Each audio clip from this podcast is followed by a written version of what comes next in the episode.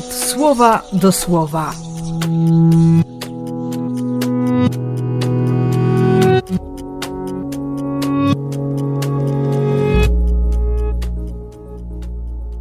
Dwunasty lutego, poniedziałek.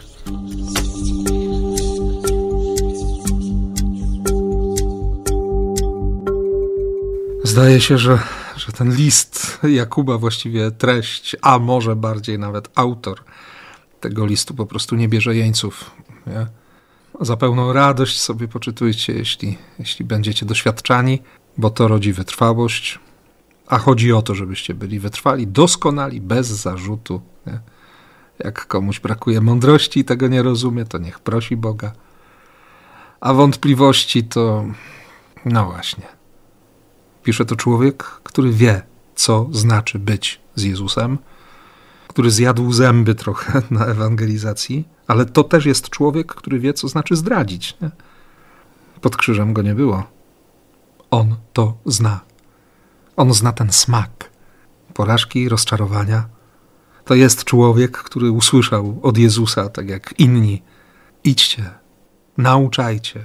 Jeszcze w relacji Marka będzie zapisane, że najpierw Jezus wejdzie po zmartwychwstaniu, rozejrzy się i będzie im mówił o twardym sercu. Będzie ich beształ czy rugał za ich opór, a potem ich wyśle na głoszenie. Jakubowi po prostu szkoda czasu. Daje taki konkret. To nie jest jakieś tanie poklepywanie po plecach.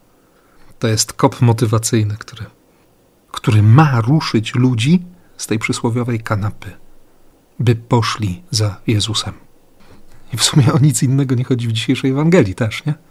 Faryzeusze, którzy wiedzą, bo o Jezusie się mówi, więc wiedzą, co głosi, wiedzą o czynach, wiedzą o znakach, mają kilkanaście tysięcy świadków rozmnożenia chleba, a mimo to domagają się jakiegoś znaku.